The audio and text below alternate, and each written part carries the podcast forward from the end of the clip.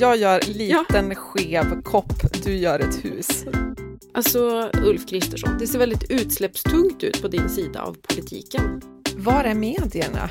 Rädda en liberal. Hej! Hej! Du, eh, det blev lite radiotystnad. Eller vad hände? Nej men alltså vi har väl haft en skithöst kan man säga. Ja det kan man faktiskt säga att vi har haft. Eh, ska jag börja langa ut min skit eller? Ja, gör det. Ja, nej men först så jobbade vi skiten, eh, mycket skit kommer det vara. först så jobbade vi skiten med att putta upp klimatet på agendan inför valet. Och när man tror att allting ska bli bättre, då går min pappa och dör i den vedervärdiga sjukdomen Alzheimers som jag har levt väldigt nära i två år. Det har varit två år av ett rent helvete. Ja, och att flytta till en ny plats i pandemin, ta hand om sin sjuka pappa och ja, men, försöka få det här nya livet att lira. Det är inte heller en så här toppen situation. Sen är det ju svårt att flytta till en ny plats. Särskilt om energinivån att socialisera sig är begränsad med tanke på att man har mycket annat i huvudet. Eh, och lägg till att man jobbar med klimat. Sådana saker som ingen vill prata om. Eller vill bli påmind om. Ja, så det har varit tufft. Och tuffare än vad jag kanske velat ge sken av. Du vet, man vill vara glad. Man vill vara en glad lax. det är så man vill vara. För det är så man känner igen sig själv som. Och då blir det så knepigt när man känner att man är allt annat än det. Det blir som en liksom personlig kris mitt uppe i alltihopa. Jag som var så glad, jag som var så social. Och så är man allt annat än det. Det här har inte varit kul alls faktiskt. Nej, det har varit två tuffa år som liksom, ja, jag vet inte. Det var, det var lite, det var lite väl tycker jag. Och sen kom ju valet. Det var ju inte så uppiggande direkt mitt uppe i allt det här. Det var ingen, ingen tröst i sikte där riktigt mitt i sorgen. Nej, och det här med att jobba med klimat eh, där saker inte direkt går åt rätt håll. Det, det, ja, det blir lite... Man, ibland behöver man en god nyhet. Ja. ja. ja. Och sen så fem dagar innan begravningen så gjorde en kompis slut med mig. Eh, som en blixt från klar himmel. Så jag har eh, typ gråtit hela hösten. Från sommarens slut till nu när jag känner att fan, nu reser man sig upp och börjar kravla sig upp ur det här jävla svarta hålet. Jag kan säga att det har varit ehm. ganska tufft att bo på andra sidan landet när du har haft den här skiten och dras med. Eh, man ju, hade ju velat ge dig en kram då och då. Nu får du sluta säga sådär för du börjar gråta. Ja. jag tänker att jag tar en paus med det nu. Mm. Jag ska sluta ta, jag ska vill göra annat än att gråta. Ja, jag, jag är ganska det. taggad på att liksom så här vända den här skutan mot en ljusare horisont på liksom alla Det ska vi fronter. göra nu, tänker jag. Eh, ja. Snart är året slut och då bestämmer ja, vi att nästa år blir bättre. Ja, det gör tycker jag. Eller hur? Ja, det ska bli bättre. Men jag tänker att du inte haft en så jävla toppen höst du heller. Tuppen har haft det bra låter det som. Ja, tuppen är utvilad. ja, nej, men det... Alltså jag, är, jag har inte förlorat någon jag älskar och ingen har gjort slut. Eh, så att jag har ju haft skithöst light jämfört med dig, eh, skulle jag vilja påstå. Men det har varit en höst av jävligt boring logistik och mycket energikrävande sysslor. Typ en gammal vattenskada som försäkringsbolaget inte vill hjälpa till med, en trasig vattenpump på det, en 40 mils flytt av min gamla mamma som fick en stroke förra vintern med all logistik som krävs kring det.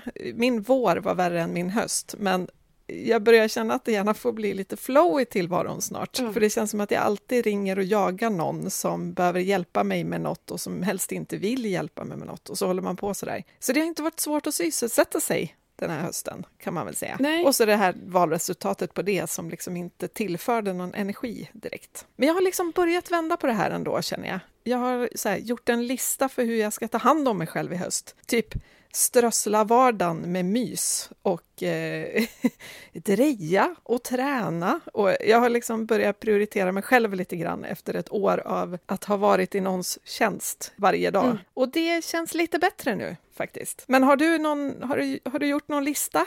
Drejar du? Nej, jag drejar inte, men jag bygger ett hus. Ja. Och det är ganska skönt att göra någonting väldigt praktiskt. Eh, Men också när man jobbar med klimat och det är liksom bara, det är som en lång linje av dåliga nyheter. Det går ofta åt fel håll och det känns stort och det är svårt och det är Abstrakt. Ganska abstrakt. Det känns tungt ibland och då kan det vara ganska skönt att göra någonting väldigt praktiskt som blir klart. Och som också innefattar lera. Jag gör liten skev kopp, du gör ett hus. Det känns ju... en hus.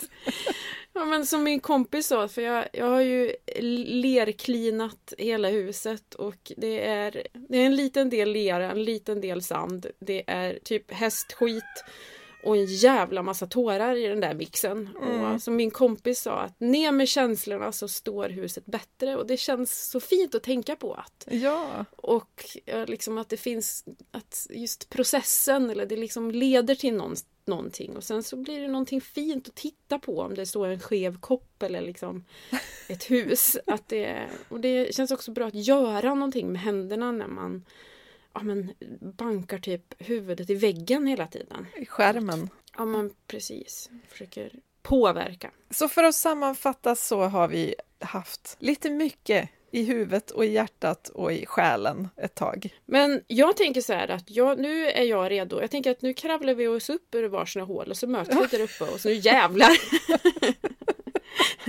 ja, vi behövde en paus men bara för att ladda om. Ja, men precis. Men hur, om vi liksom lämnar personlig skithöst och går in på politisk Ja, skithöst. Har du hämtat dig från valnatten? Hur är den generella stämningen hos Sund just nu? Ja, men jag måste säga att det är total chock att vi går åt helt fel håll när vi behöver prioritera klimat och miljö högst. Alltså, Och, Jag tyckte ändå så här, visst, det gick inte som jag ville i valet. Mm. Och så bestämde jag mig lite så här för att ändå ha någon slags öppet sinne för att det finns ju många lösningar på många problem. Alltså, Mm. bara för att jag tycker att en verkar vettigast och att det mesta tyder på att en väg verkar vettigast så behöver jag ju inte ha rätt i det. Så jag tänkte Mm. att tänk om den här nya regeringen nu överraskar positivt. Att det Mm. bara dundrar in klimatåtgärder som, som visserligen är andra än, än jag kanske hade hoppats på, men det är åtgärder och som kanske gör stor skillnad. Det Mm. hade ju varit fantastiskt. Då hade jag ju ändå känt så här att ja, men nu testar vi det här i fyra år. Det kanske faktiskt sker jättemycket. Men det blev ju inte så riktigt. Nej, och sen så är det väl den här tidsramen också. För jag tänker så här, det är väl bra att någon med andra värderingar får testa sina tankar och se om det går bättre. Men det är väl också så här, med tanke på att den politiken kanske inte riktigt grundar sig i vad forskarna säger att vi behöver göra. Så det är liksom lite en risky väg att gå med tanke på att tiden är knapp. Annars hade det varit helt okej att få testa loss liksom. Ja, men precis. Testa ju... lite olika idéer. Man bara, ja fast eh, nu, vi har liksom inte riktigt tid med det. Vi behöver kanske lyssna på vad forskarna säger. Och Ja, fatta beslut utifrån det. Eh, ja, jag hade ju hoppats att vi, andra än jag, hade röstat fram politiker som ändå kommer att ta ansvar. Makten man har innebär ett ansvar, men det har de ju inte gjort. Och det har blivit värre än jag trodde de här första veckorna. Mm. Med nedlagt miljödepartement och eh, reduktionsplikten och reseavdraget. Det bara dundrar in skitdåliga klimatnyheter, Mm. rent ut sagt. Klimatkollen redovisade ju sin senaste undersökning nu där de utsläppsberäknade politiken som de olika partierna för.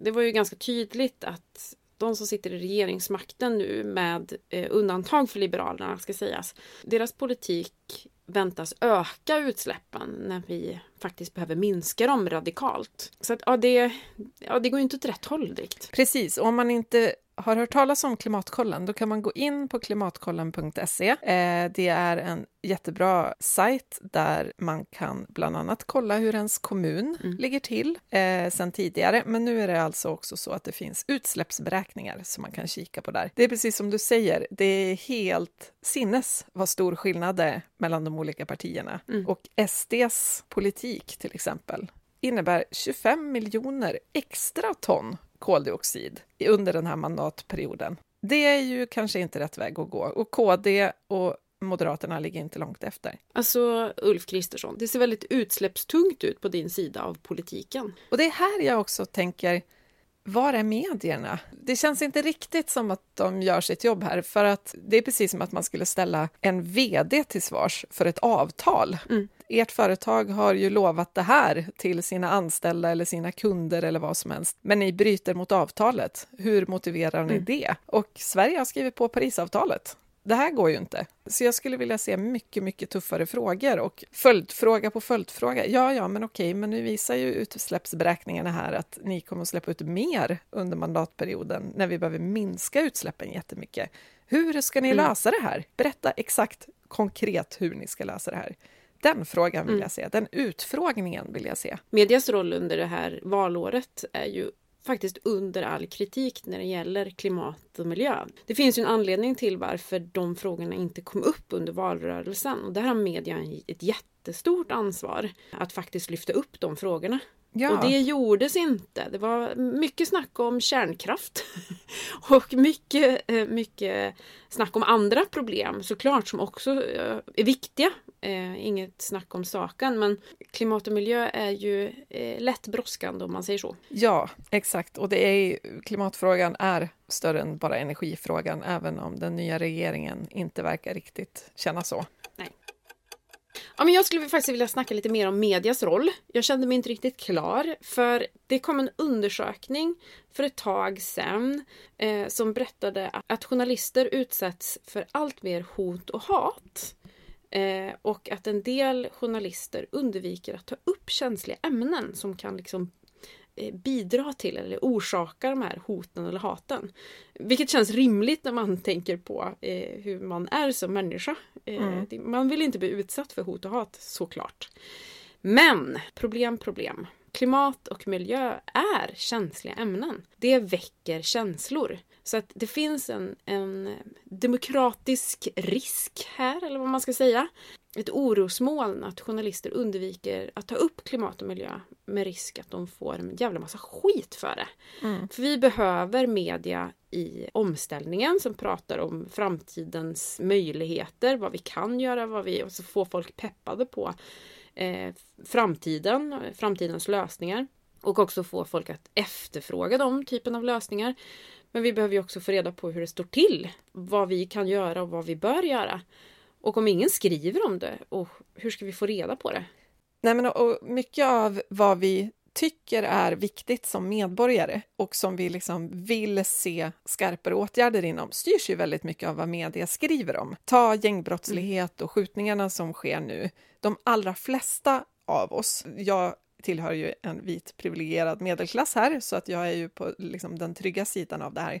Men generellt också i hela Sverige, de allra, allra flesta av oss berörs inte alls av gängbrottslighet eller gatuvåld. Så är det ju. Och ändå ser vi det som ett stort samhällsproblem som måste prioriteras och eh, så vidare. Och det är klart att det är ett problem. Det ska också få resurser. Men problemet är ju när klimatet inte alls får samma tyngd och vikt i media, mm. att vi då tänker att det är ett mindre problem än gängbrottsligheten, trots att klimatfrågan berör precis varenda svensk. Så det, ju, det, blir väldigt skevt när vissa ämnen liksom inte får synligheten som det egentligen förtjänar med tanke på hur stor och viktig fråga det är. Och sen är det svårt att nyhetsbevaka klimatet, det förstår jag, för att det är någonting som sker gradvis istället för ett skott eller en explosion eller något sånt som verkligen är här och nu och enkelt att bevaka. Mm. Eh, men det betyder ju inte att vi inte ska bevaka det såklart. Och framförallt nu då när det handlar väldigt mycket om att granska politiken. Och det är ju ändå konkret. Det fattas ett beslut av, om att lägga ner miljödepartementet. Då måste ju den politiken granskas. Ja, verkligen. Och så blir det också lite oroväckande när mediebranschen ser ut som den gör. Att man tjänar pengar på klick till exempel. Eller att man tjänar pengar på men, annons, eh, annonsörer. Eh, vilket gör att man skriver det som folk vill ha, inte vad folk bör få veta. Och det mm. blir ju ett jädra glapp. Eh, så kanske ska man få in mer pressstöd, vad vet jag? Ja, och det är mer... där man blir lite orolig över att SD verkar ganska pepp på att strypa anslag till media, framförallt public service, mm. vilket är verkligen vad vi inte behöver just nu. Och man vill ju inte heller att media ska bli rädda för att ta upp frågor med rädsla för att, att de ska få sina anslag strypta. Vi drev ju som en liten grej på Klimatklubbens Insta ett tag där vi använde hashtaggen Var är frågan om klimatet? Där vi liksom tog upp det i samband med att det skrevs om rekordvärmen eller nu är charterresor billiga igen eller någonting sånt.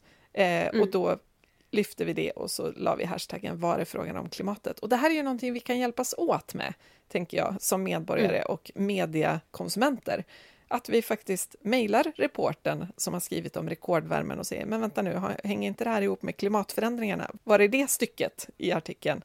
Mm. Eh, och liksom ständigt, ständigt påminner media om att allting måste ställas lite i relation till eh, klimatfrågan. Nej, inte resultatet mellan AIK och Djurgården. Det behöver man inte sätta i relation till klimatet.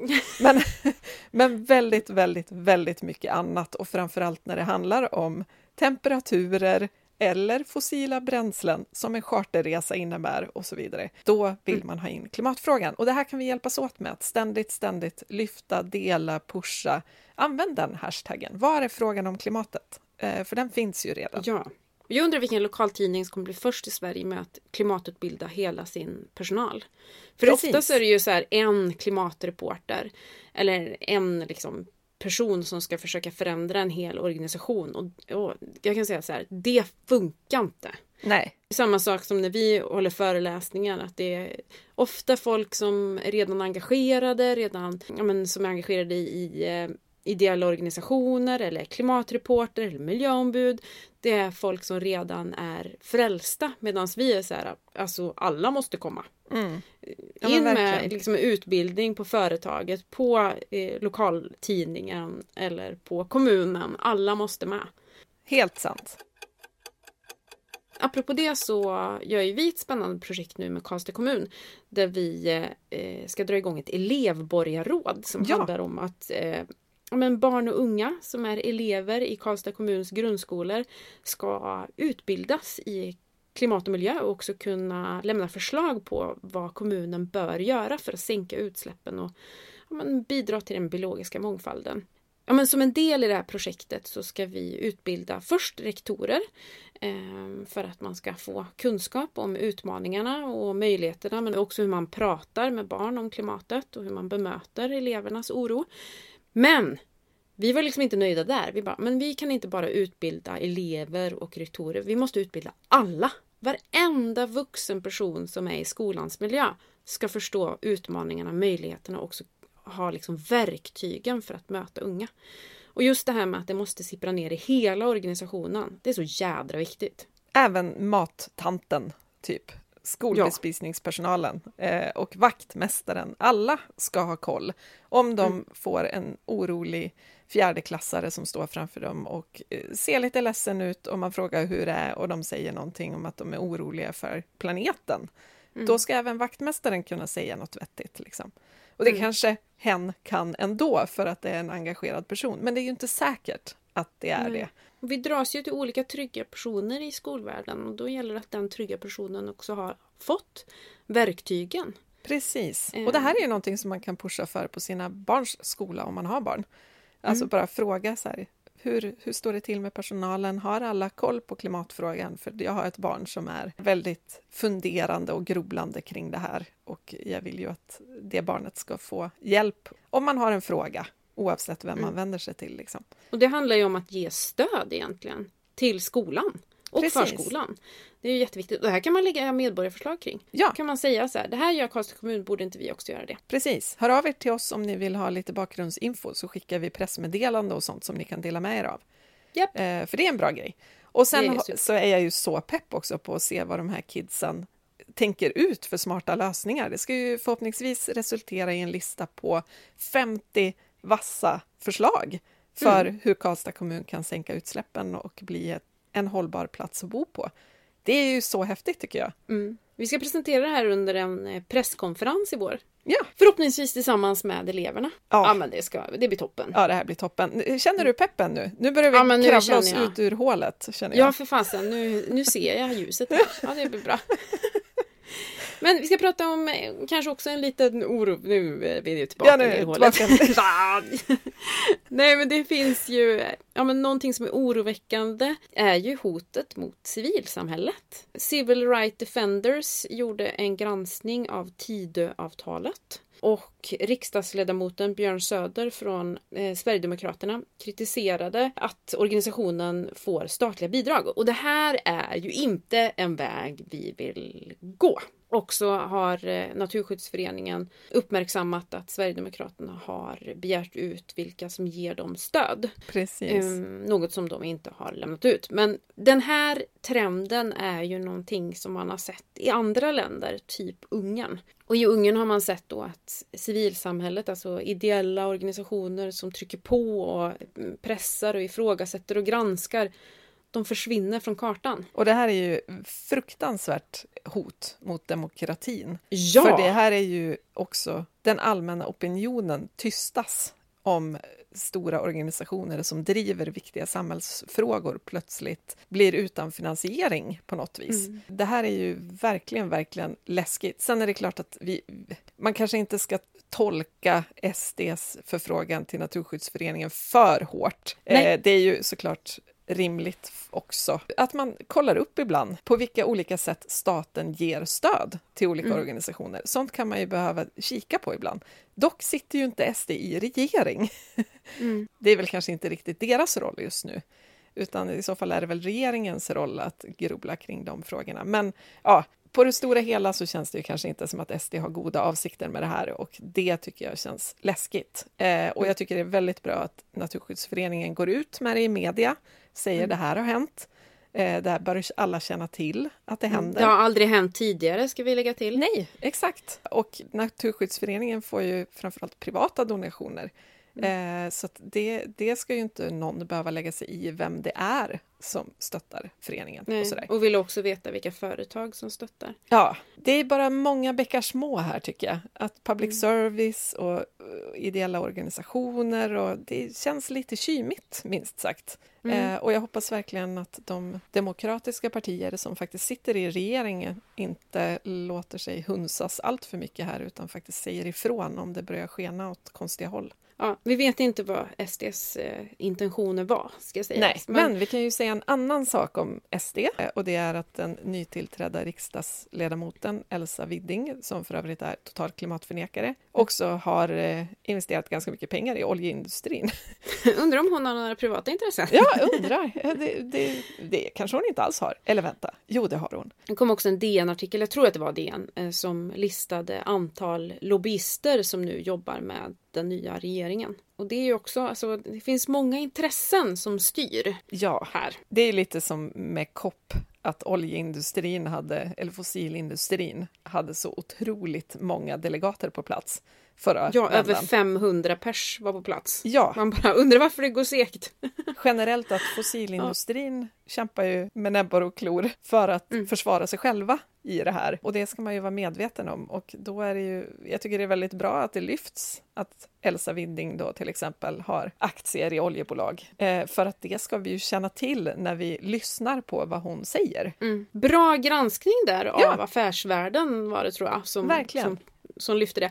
Men sen ska jag också säga att eh, när vi är ute och föreläser så möter vi ju en hel del klimatförnekare. Och Elsa Widding är ju det namn som de lutar sig mot Mm. eh, i ungefär 99 fall av 100. Vilket Och säger nu- någonting om hur många man har att luta sig mot. Ja, precis, det är inte när så många. man är klimatförnekare. Det är typ kanske två. Ja, och nu sitter hon i riksdagen. Det kanske blev lite tokigt. Japp. Det finns en grej att ha i bakhuvudet här också. Och det är att vi inte behöver vänta på politiken för att ställa om. Vissa behöver göra det, absolut. Det är svårt för stora industrier att, ställa om och så där, utan styrmedel och så vidare. Men vi kan ju också bara bestämma oss eh, i ganska hög utsträckning själva. Kommuner, regioner, privatpersoner, företag. Ta som exempel när Trump eh, gjorde så att USA lämnade Parisavtalet. Då var det ju mer än hälften va, av alla stater i USA som ändå valde att följa Parisavtalet, fast de inte var bundna till det längre. Alltså så kaxigt. Ja, och Det det, tycker bra. jag är fantastiskt. Det är ju, det, man behöver ju inte skriva på ett avtal eller kontrakt för att följa det. Mm. Eh, och så kan vi ju faktiskt tänka själva också, att ja, men vi ska hit och vi är Mm. här idag. Det är en ganska rejäl resa som behöver göras och framförallt måste vi komma ihåg att framtiden inte behöver bli sämre. Den blir annorlunda, men den kan också bli bättre. Så det Mm. finns ju minst lika många morötter som piskor i det här också, tänker jag. Om vi börjar visa att men vi vill åt det här hållet och politiken försöker dra åt ett annat, till slut går ju inte det. För då är oppositionen och opinionen så stark att, att man förlorar makt om man fortsätter trilskas. Liksom. Jag tänker också på, nu kommer det lite reklam här för Karlstad kommun. Ja, Men- bra. Ja, men som Karlstad kommun som nu har satsat 11 miljoner kronor på att minska sin elförbrukning. De här åtgärderna görs för att man, ja, men man gör som EU har sagt att vi ska göra. Mm. Alltså minska elförbrukningen och också den totala efterfrågan på el. Så att i Karlstad vill man minska förbrukningen med minst 5% under högpristimmar och sen så vill man sträva efter att minska den totala efterfrågan på el med minst 10% Så att det man har gjort i Karlstad det är ju att lyssna på vad EU säger att vi ska göra. Man inväntar inte på någon nationell styrning eh, som kanske hade varit på sin plats. Eh, utan man, man lyssnar på vad man ska göra och så gör man det. Och det är ju win-win. Det blir billigare för Ja. medborgarna om de sparar el. Och minskar vi elförbrukningen, då sjunker också priserna, säger ju Mm. de som kan det här. Eh, och det är bra för klimatet att vi inte använder mer energi än vi behöver. Så det är Mm. ju win-win. Och då Mm. finns det ju ingen anledning att gå och vänta på ett direktiv. Liksom. Det går ju Nej. att skära i elförbrukningen själv. Och det här är ju också ett medborgarförslag man faktiskt skulle kunna lägga. Ja, Att allt man ska är ett medborgarförslag.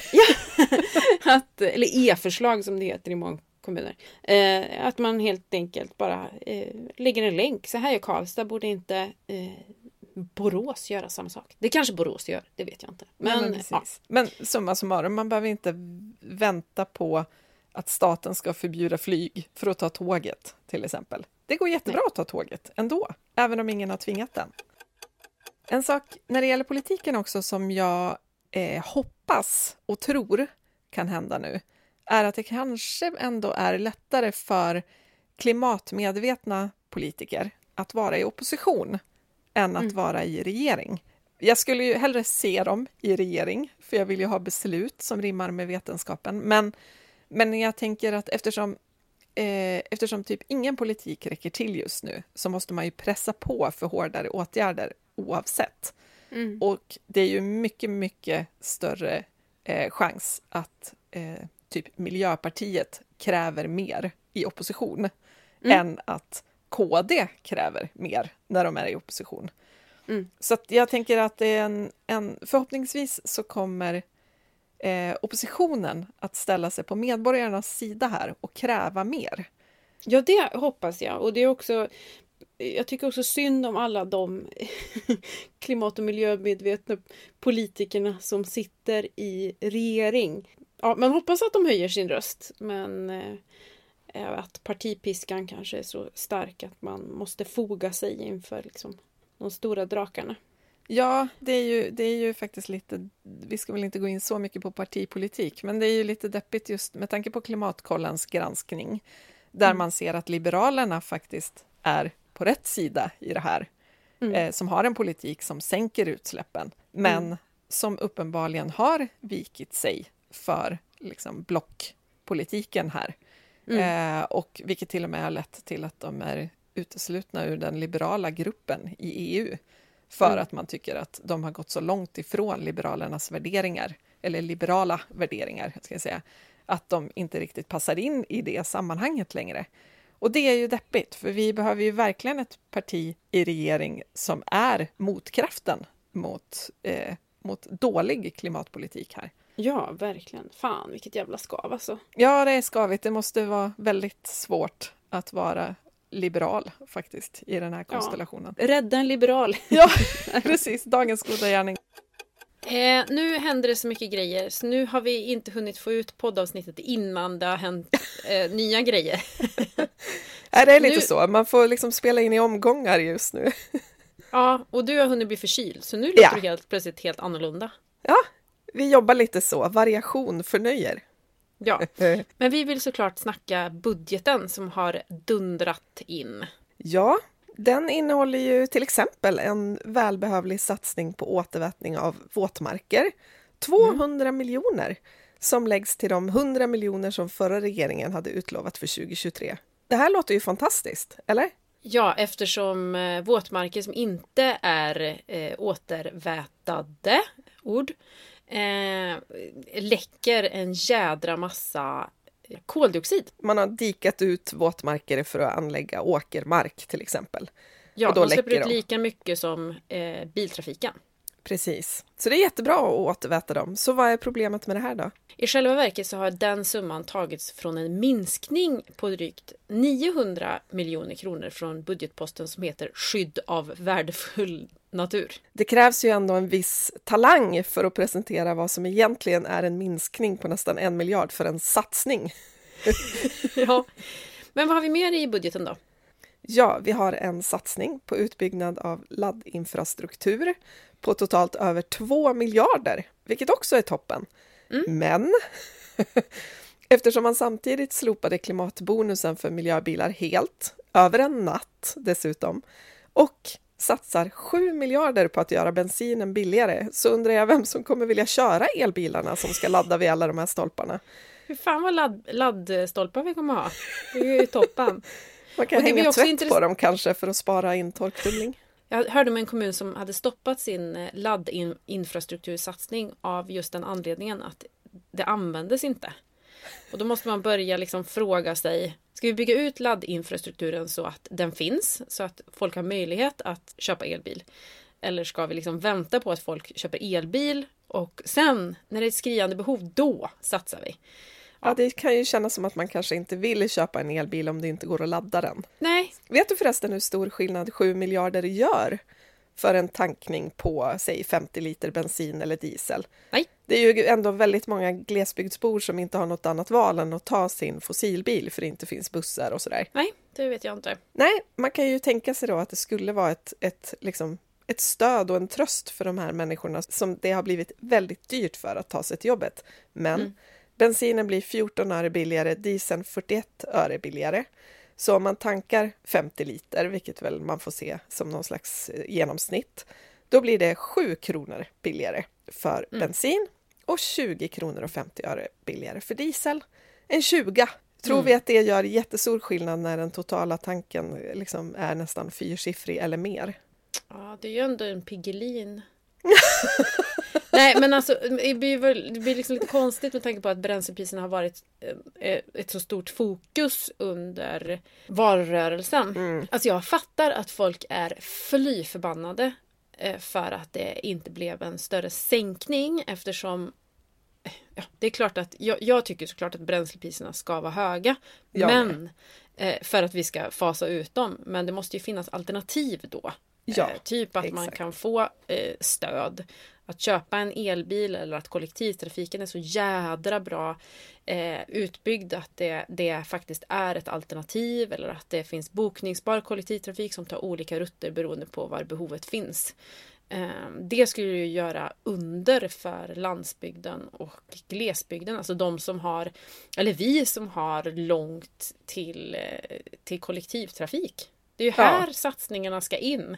Det är här de stora jädra eh, bonusarna ska läggas, eller omställningsstöden ska läggas när det gäller att, att byta till elbil exempelvis. Ja, alltså det är ju precis så man tänker att det största reformutrymmet i budgeten kanske borde gå till att göra det möjligt för hela Sverige att ställa om. Mm. Men just nu går liksom en tredjedel av allt reformutrymme i budgeten, 14 miljarder totalt, till fossilsubventioner av olika mm. slag. De, de pengarna hade behövts eh, som, en, som ett omställningsstöd. Exakt. Och man tar också till exempel 750 miljoner kronor som skulle ha gått till att rusta upp järnvägen, vilket också hade hjälpt ute i landet. Mm. Eh, de pengarna tar man och lägger på motorvägssatsningar istället. Alltså, det känns som så fossila satsningar i dubbel bemärkelse. Alltså, gam ja, gammalt. Så gammalt. Totalt så kommer miljöbudgeten, den totala miljöbudgeten att halveras, mer än halveras. Från 22 mm. miljarder till 10 miljarder de kommande tre åren.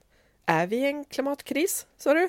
Det Ja, låter inte en riktigt så på finansministern. Nej, alltså gud. Och den, samtidigt får liksom kungen mer apanage. Ja, han har ju ändå suttit 50 år på tronen och det är ju viktigare att vi, vi ser till att en person har det bra än att framtida generationer överlever.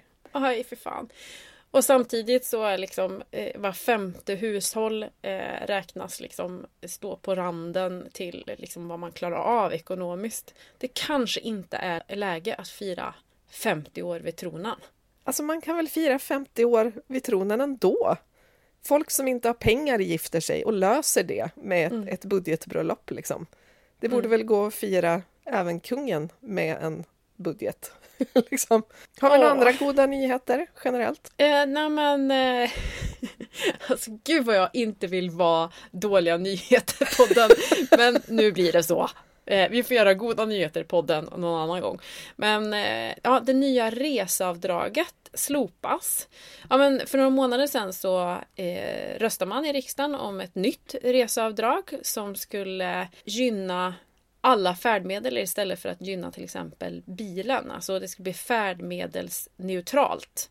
Så att eh, de som cyklar eller tar tåg eller tar buss också skulle gynnas istället för då att bilisterna skulle få höjd milersättning. Och det här tar man nu bort. Så man återgår då till det gamla reseavdraget som, som eh, många har liksom kämpat för ska bytas ut för att det känns så gammalt. Ja, exakt. Det nya hade ju baserat sig på hur långt man reser, Mm. inte hur stor tidsvinst man får genom att ta bilen till exempel. Precis. Och det här ska också sägas att det här slår jättehårt mot landsbygdskommuner eh, gällande skatteintäkter. Ehm, så att det här, ja, det. Man, alltså, med tanke på valrörelsen så hade man ändå hoppats att eh, eller man trodde att det skulle satsas mycket på landsbygd och glesbygd. För det var så mycket snack om det. Men eh, jag- jag ser inte riktigt de satsningarna. Eh, det blir liksom också lite skevt när kungen får mer apanage och liksom landsbygdskommunerna får det svårare. Du har fått lite kommentarer kring det här med reseavdraget.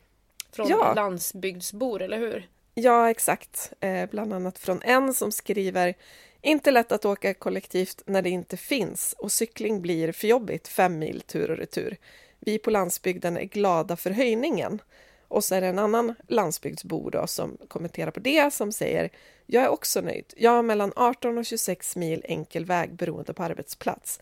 Med förra regeringens förslag, alltså det här förbättrade reseavdraget, hade jag fått mindre än hälften av vad jag fick innan oavsett färdmedel på grund av övre gräns. Så att som vanligt med, med alla de här frågorna så är det komplext. Eh, vissa kommer att gynnas i plånboken av det här eh, för att man inte satsar på att ge dem alternativ. Eller Mm. hur? Det är det det faller på. Om man hade istället sett till att det gick kollektivtrafik så hade ju de här två personerna kunnat ta sig till jobbet på annat sätt än med bilen. Eller utforma reseavdraget på ett ännu mer gynnsamt sätt för landsbygdsbor och glesbygdsbor. Ja, och kanske också lite så här behovsprövare. Alltså, Åh, gud vad jag vill ha behovsprövning alltså. Herregud. När jag pratar om omställningsstöd när det gäller elbilar exempelvis för landsbygd och glesbygd. Då handlar ju det om att det idag är så jädra skevt. För de flesta elbilar som säljs i Sverige säljs i Nacka, Danderyd, eh, Göteborg. Eh, ställen som eh, absolut är kända för sin skitdåliga kollektivtrafik. Eller hur Maria? ja, absolut. Vi är ju helt bilberoende, vi som bor i Stockholmstrakten och i Göteborgstrakten. Nej, Nä. så är det ju såklart inte. Utan det borde ju vara så att de som har störst behov borde få eh, större stöd. Tycker jag. Ja, sätt den här, det här reseavdraget, alltså den höjda milersättningen till de som inte har något alternativ. Inga andra. Ja. Ja, så verkligen. hade man kunnat göra, men så gjorde man inte. Man har ju också pratat om att eh, reseavdraget eh, gynnar framförallt män då eh, eftersom män i högre grad tar bilen medan det missgynnar då kvinnor för kvinnor åker kollektivtrafik och cyklar i högre grad.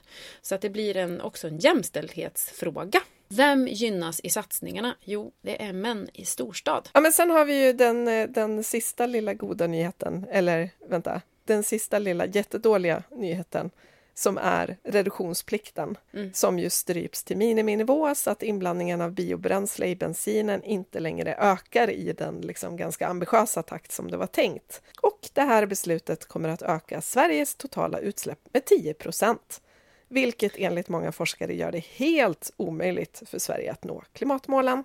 Ehm, avgå. Hur går snacket internationellt om Sverige nu? Eh, ja, Kristersson fick ju den frågan apropå att han är nu, just nu på COP. Mm.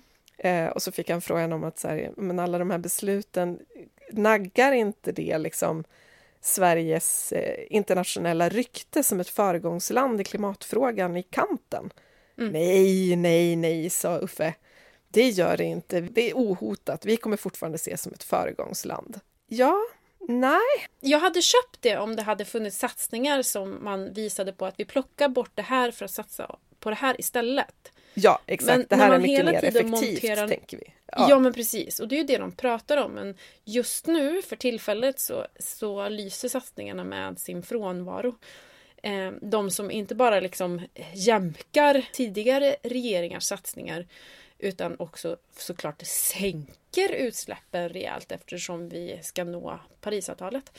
Men du, Jag hade ju nog gjort tvärtom om jag hade varit dem. Det vill säga först presenterat tio svinambitiösa klimatåtgärder som kostar mycket pengar men som man liksom kan peka på kommer att sänka utsläppen si och så mycket. Och sen hade jag då försökt liksom lägga fram att tyvärr måste det ske försämringar på vissa områden för att vi ska ha råd med det här. Det hade liksom varit lite smartare rent så här... liksom, jag tror vi hade tagit emot nyheten lite bättre om vi först hade fått de goda nyheterna och sen de dåliga nyheterna. Mm. Istället för bara dåliga nyheter.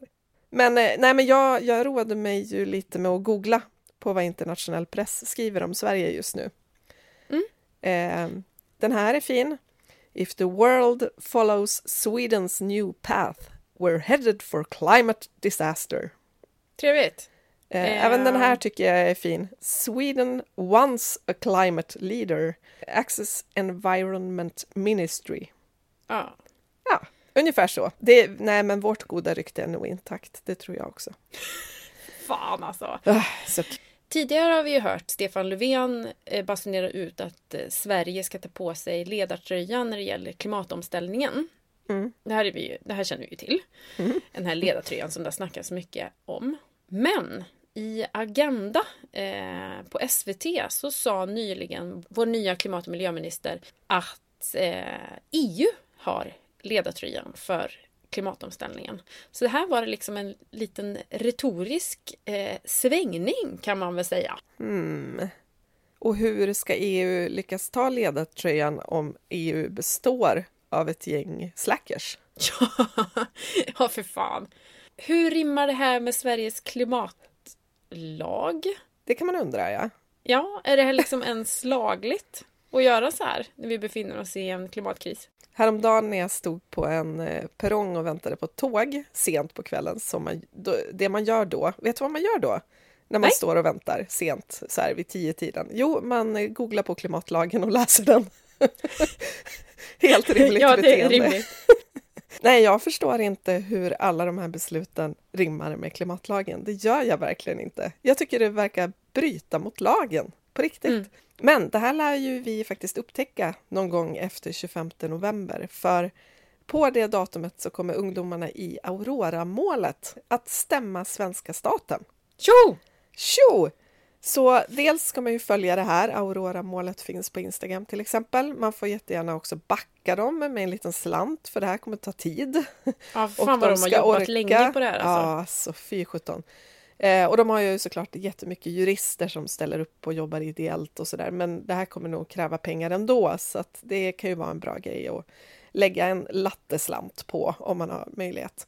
Men också då tips för alla som befinner sig nära Stockholm att 25 november så blir det då en klimatmarsch i samband med att stämningen ska överräckas. Och det här är ju en mäktig grej att vara med om. Den får man ju inte missa känner jag. Det är ju ändå ett historiskt ögonblick och kidsen behöver ju också få ett massivt stöd i det här. Men du, finns det inga goda nyheter?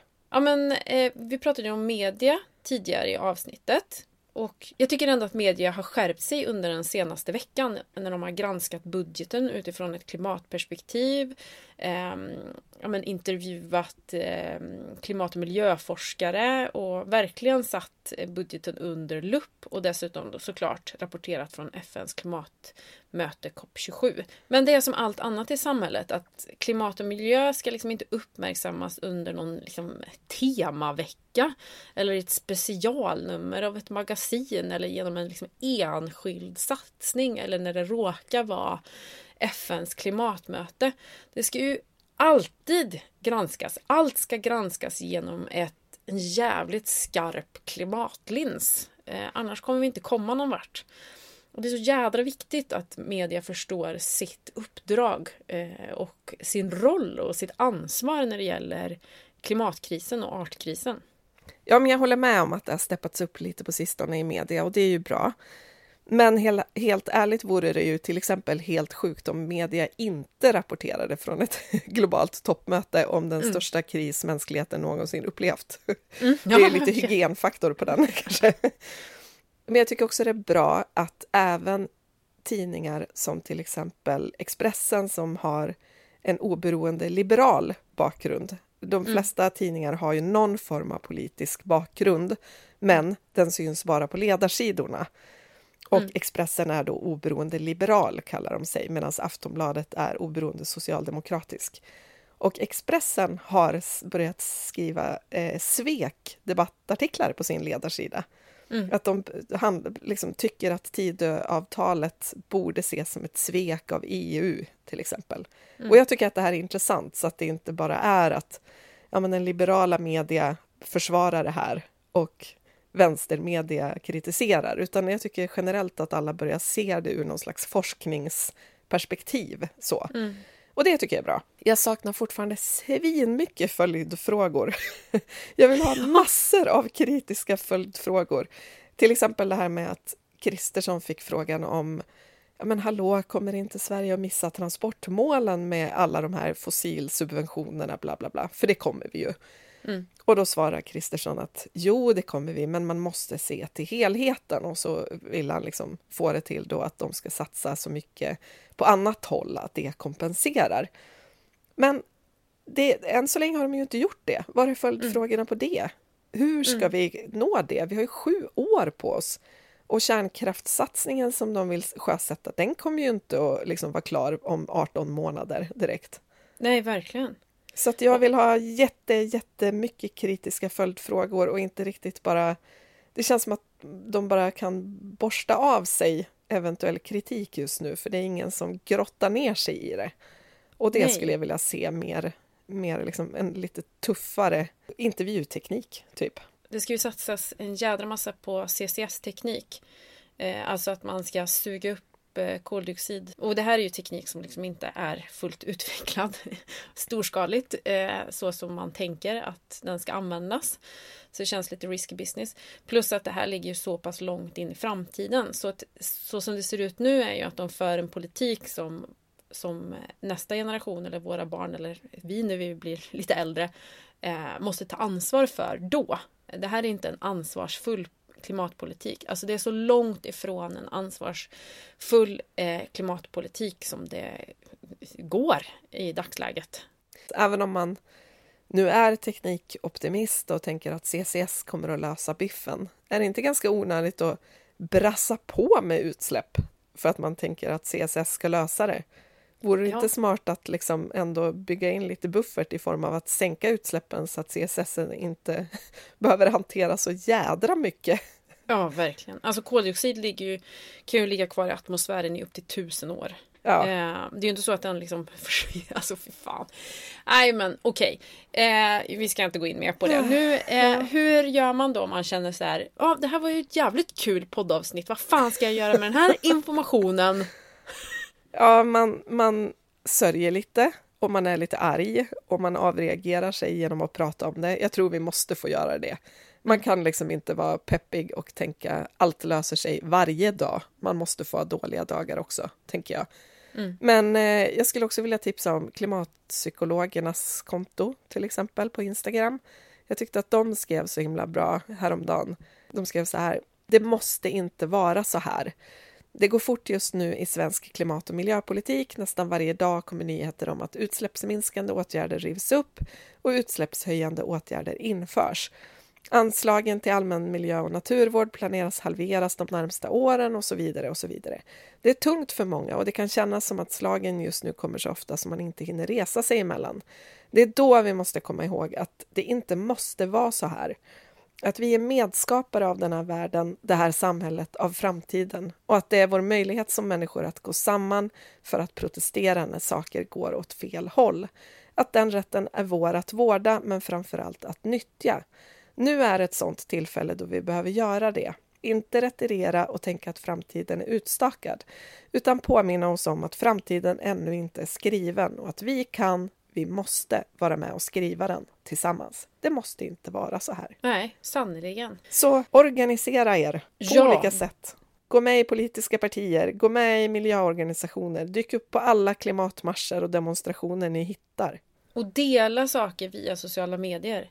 Eh, som Klimatklubben lägger upp eller Klimatpsykologerna, Naturskyddsföreningen, WWF. Alltså, vi måste prata om hur fan det ligger till. Ja, Och att det här inte är okej. Och att det, den här typen av politik bryter mot lagen och anses vara helt fucked up när man tittar hur andra länder ser på Sverige just nu. ja, Skärpning! varje gång man ser en artikel där en forskare kritiserar regeringens politik, dela den. Så att fler ser Ja. att det här faktiskt inte rimmar med vetenskapen. Vilket för övrigt klimatlagen säger att klimatpolitiken måste göra. Ja. kan vara värt att påminna regeringen om det. Du, tack för den här dragningen. Ja, jädrar. Tack detsamma. Nu ska jag äta en halstablett. Ha det gött så kämpar vi vidare ett tag till. Ja, det gör vi. Hej då!